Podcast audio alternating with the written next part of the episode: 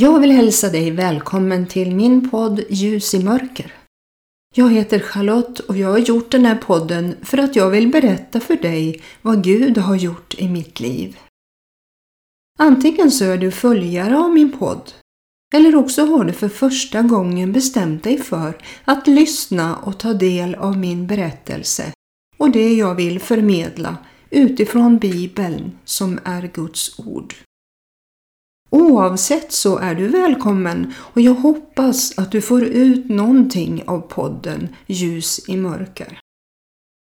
Första Korinthierbrevet kapitel 13 i Nya Testamentet i Bibeln har en överskrift som heter Kärlekens lov. Där berättas det om kärlekens egenskaper. Om du inte har läst detta så vill jag uppmana dig att göra det. Det är en kärlek som är så utgivande och fantastisk och den är en avbild av Gud själv. Det står talas om att Gud är kärlek i första Johannes brev kapitel 4 och vers 16. Nu frågar du säkert som många andra. Hur kan Gud vara kärlek när det händer så mycket hemskt i världen? Människor dödar varandra och visar hat och oförsonlighet. Barn får lida och dö. Det är inte en sån Gud jag vill ha som inte har omsorg om små barn och gamla och så vidare. Det stämmer att det sker ohyggliga saker i världen och att det alltid har varit så. Men nu, i de sista dagarna, händer det oftare och värre saker än tidigare. Och när jag talar om de sista dagarna så är det tiden innan Jesus kommer tillbaka för att hämta de som tror på honom. Men det förändrar inte faktum. Gud är kärlek och han älskar alla människor. Men tyvärr, han är inte ensam om att regera på jorden. Vi har en ond makt som kallas djävulen, Satan, som också kallas lögnens fader. Han har varit en lögnare och förstörare ända sedan syndafallet i Edens lustgård. Gud skapade oss med en egen fri vilja. Vi får välja att leva efter Guds ord eller inte. Och jag kan berätta att Gud lider ännu mer än vi när det onda tar över och människor dödar varandra och bär sig hemskt åt.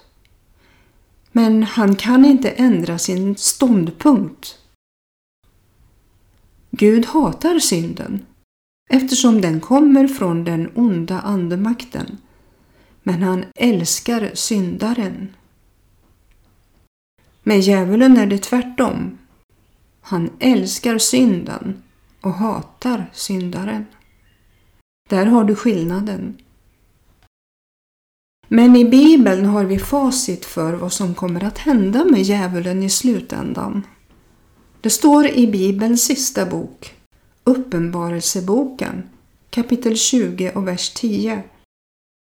Och djävulen som hade bedragit dem kastades i sjön av eld och svavel, där också vilddjuret och den falske profeten är, det vill säga Antikrist och det ska plågas dag och natt i evigheternas evigheter.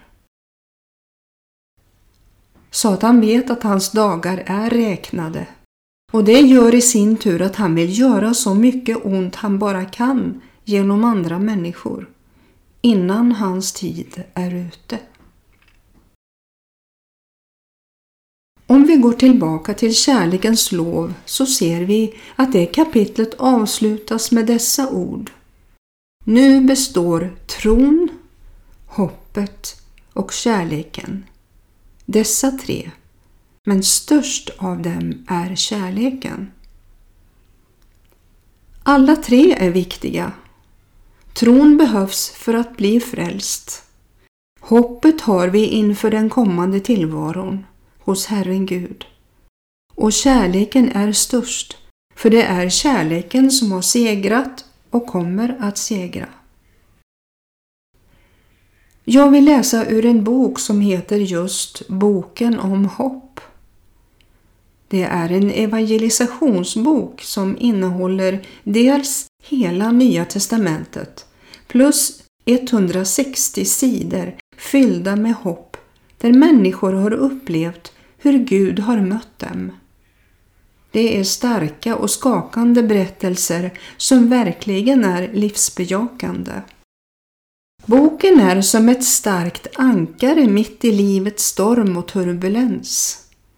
De starka berättelserna ger styrka och mod att fortsätta kämpa.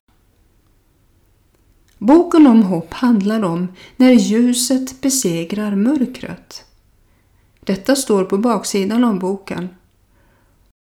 Jag ska ta dig med till en berättelse där någon har mött Gud och fått sitt liv förvandlat. Mannen heter René Lobos. Rubriken över hans berättelse lyder Hatet och ilskan tog över mitt liv. Jag växte upp i en dysfunktionell familj. Mina föräldrar kom från en helt annan kontinent och försökte anpassa sig till det svenska systemet. Själv var jag vad man kan kalla en väldigt osäker och rädd liten grabb. Starten blev inte alls bra. Till detta kom att det var mycket stress och bråk hemma. Jag kunde inte koncentrera mig i skolan och blev tidigt en outsider. Efter att min lillebror hade fötts skildes mina föräldrar. Jag var då sju år. Det jag minns var att det var så svårt att pappa lämnade oss. Även om det varit mycket av destruktivitet hemma var ändå min pappa min manliga förebild. Det blev tomt när han lämnade. Mamma försökte fylla tomrummet men det gick inte. En pappa är en pappa och kan inte ersättas av en mamma. Dessutom hade mamma svårt att klara av både sitt eget och våra liv. Jag trivdes med barn som hade det jobbigt som jag. Jag var inte lika outsider då när jag kom hem från skolan gick jag nästan alltid ut. Jag var faktiskt sällan hemma. Jag trivdes inte att vara hemma. Som med så många andra invandrarbarn blev det gänget som gällde. Det blev som en ersättning för familjen som ju nu var trasig. Jag sökte mig till de äldre och lite mer tunga pojkarna och för att kunna vara med dem gjorde jag saker som jag egentligen inte vågade. Jag försökte på allt sätt att vara som dem. Så småningom blev det kriminalitet som bara blev grövre och grövre. Visst försökte mamma tala mig till rätta men hon hade redan då på något sätt mist greppet om mig. Jag levde redan i tidig ålder mitt eget liv. Så småningom kopplade socialen in och man diskuterade olika lösningar för mig. Jag blev placerad hos min pappa istället för hos mamma. Jag gick då i sexan. Pappa bodde i ett mer ordnat område, ett villaområde.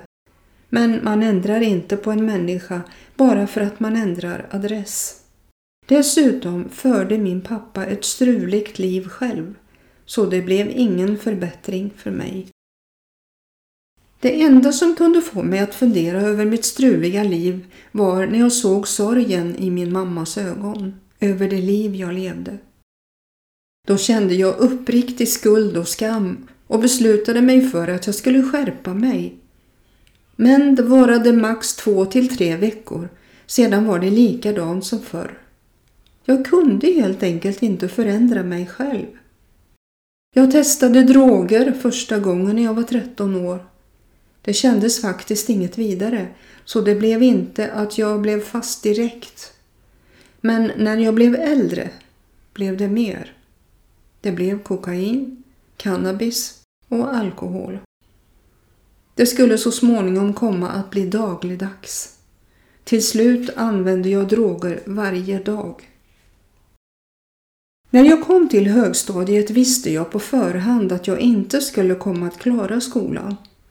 Men så fick jag en lärare, en fantastisk människa, som verkligen hjälpte mig. Han hjälpte mig att koncentrera mig. Jag hade dessutom vid denna tidpunkt blivit riktigt duktig på gitarr. Med den här lärarens hjälp klarade jag grundskolan och kom in på estetisk linje på gymnasiet. Första terminen gick jättebra. Jag satsade på musiken. Men eftersom jag parallellt fortsatte med min gamla livsstil så höll det inte. Jag hoppade av och gick in till 100% på att bli yrkeskriminell. Jag ville följa i pappas fotspår. Jag hade hittills levt ett dubbelliv samtidigt som jag hade varit en god och glad kille som skojade och skämtade. Så var det som att trycka på en knapp så kom den kriminelle, hårda och egoistiska typen fram. Nu blev det den hårda och kriminella killen som så småningom helt tog över. Av pappa lärde jag mig att aldrig ta skit eller visa mig rädd. Men beslutet att bli heltidskriminell var mitt eget. Det var mitt eget väl övervägda beslut. Jag var uppväxt att alltid ha respekt för Gud och jag visste ju att Gud fanns. Men Gud var väldigt långt borta från det liv jag levde.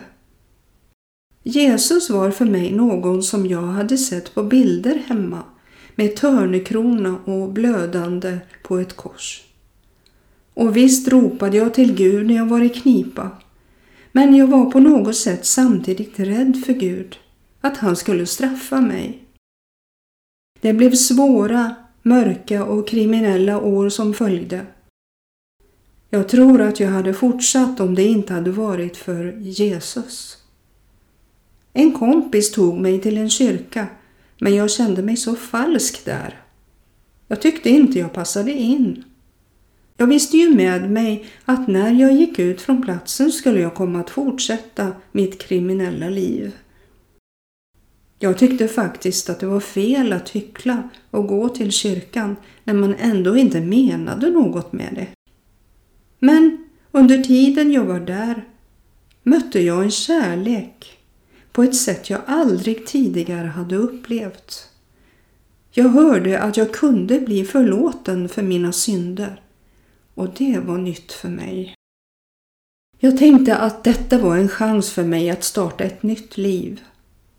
Jag försökte och lämnade mina kriminella kompisar. Jag gick till kyrkan och försökte bli en bra kristen. Men inom mig kämpade jag med skuld och skam. Det blev ohållbart till slut. Jag lämnade kyrkan och jag lämnade Gud. I samband med att jag gick började jag anklaga Gud och började hysa ilska mot både Gud och kyrkan. Det skulle komma bli sju mycket svåra mörka år. Hatet och ilskan tog över i mitt liv och mörka krafter hade mig fullständigt i sitt grepp. Jag blev en slav till djävulen. Idag vet jag att Jesus aldrig lämnade mig, men jag lämnade honom. Under den här tiden försatte jag mig i många livsfarliga situationer och det var egentligen för att jag inte längre ville leva allt var bottenmörkt och svart. När jag satt i häktet samma tidsperiod träffade jag en fängelsepräst. Han hjälpte mig. Vi kunde prata och spela gitarr och han fick be för mig. Jag upplevde under den här tiden ett enormt mörker på ett väldigt påtagligt sätt i min cell. Den här prästen var som ett ljus i mitt mörker. Jag räknade minuterna med den här prästen. Det var liksom det närmaste Jesus jag kunde komma. Slutligen ledde det till att jag började tala med Jesus igen och fast jag kanske inte riktigt kunde tro det lyssnade han på mina böner. Jag fick hjälp. När jag sedan muckade från ett fängelsestraff tog mamma med mig till en kyrka. Hon hade hittat en ny församling. Jag tyckte att jag hade fått nog av församlingar men jag hade på något sätt närmat mig Jesus igen. Mamma fick med mig dit. Församlingen hade abonnerat Sankta Clara kyrka. Allt var verkligen annorlunda än det jag var van vid. Allt kändes så enkelt och vanligt och inte alls uppställt och konstigt. När församlingen började sjunga började jag samtala med Jesus. Jag bad om förlåtelse för att jag hade lämnat honom och jag sa att jag hade inget att komma med men att jag ville komma hem. Då hände något märkligt. Där jag satt i bänken. Något hårt inom mig bröts och panikångesten försvann. Jag började gråta som ett litet barn. Jag grät av lättnad för att allt det onda liksom bara rann av mig. Där och då beslutade jag mig för att helt följa Jesus. De första dagarna efter detta var härliga. Sedan var jag tvungen att börja leva på ett sätt som stämde överens med mitt beslut att leva med Jesus. Och även om det blev att jag ramlade några gånger så var det annorlunda denna gång. Nu ville jag verkligen av hela hjärtat följa Jesus. Så fick jag höra om dopets nödvändighet och jag kände att jag måste få låta döpa mig så att all längtan efter droger släppte sitt grepp över mig. Den 6 november 2016 lät jag döpa mig. Då blev jag helt fri från alla droger. Under det att jag var under vattnet i dopet var det som om jag såg hela mitt liv som i en snabb film. Jag såg min barndom, allt våld, all smärta och min svåra och mörka väg fram till den här dagen. Jag visste när jag kom upp att detta var mitt gamla liv. Jag begravde mitt gamla liv där och då och uppstod där till ett helt nytt liv i Jesus Kristus. Efter så många år i mörker var fortsättningen inte helt enkel, men allt var ändå annorlunda. Det hade blivit ljust på insidan och det kom att visa sig att Jesus är en vän i nöden, väl beprövad. Jag är idag rik på riktigt mycket rik, fast på ett ärligt och härligt sätt. Jesus finns i mitt liv och så har jag en fantastisk fin familj, församling och ett meningsfullt jobb. Det är hela rikedomen. Jag driver idag en avhopparverksamhet för kriminella som vill börja ett nytt liv. Och dessutom är jag musiker och skriver låtar. Att mitt liv skulle kunna bli så här bra hade jag aldrig kunnat tro när jag var i det mörkaste mörker. Men Gud är ljus. Inget mörker finns i honom. Det är med honom jag lever mitt liv idag. Om det fanns hopp för mitt trasiga liv, då finns det hopp för dig. Slutligen vill jag bara tillägga att du är älskad. Jesus älskar dig oavsett vad du är eller har gjort i livet. Du är älskad. Så skriver René Lobos. Och visst är det en fantastisk berättelse om hur Gud kan förvandla människor. Tvivlar du fortfarande på att Gud är kärlek? Den som åkallar honom och vill lämna sitt gamla liv och vill släppa in Jesus, Guds son, i hjärtat. Han eller hon kommer att bli frälst, räddad. Vi har ett val allihop. Du kanske har levt ett lugnt och stilla liv. Inte så dramatiskt som René, Men ändå känner du att du inte har ett hopp inför framtiden. Du känner dig både trött, maktlös, fattig och hungrig och törstig. Jesus kan ge dig det levande vattnet. Det kommer att bli en källa i dig som springer upp med evigt liv. Då känner du att du har kommit hem, precis som René gjorde. Hem till Faderns hjärta och du kan känna dig trygg oavsett vad som händer. Hans frid är en frid som inte världen kan ge. Du kanske har drängt din oro och ofrid med att köpa prylar och saker för att få lite glädje i livet. Och kanske det blivit för mycket prylar. Snart har glädjen över det nyinköpta klingat av och du är kvar i samma ofrid och är fortfarande hungrig. Vänd dig till honom som kan fylla dig med sin frid och glädje. En glädje som består ända in i evigheten. Lyssna gärna på mitt första poddavsnitt där jag berättar om min frälsningsupplevelse. Jag var törstig till max, men sen fyllde Jesus mig med det levande vattnet som aldrig slutar att påla. Gud välsigne dig. Gud älskar dig.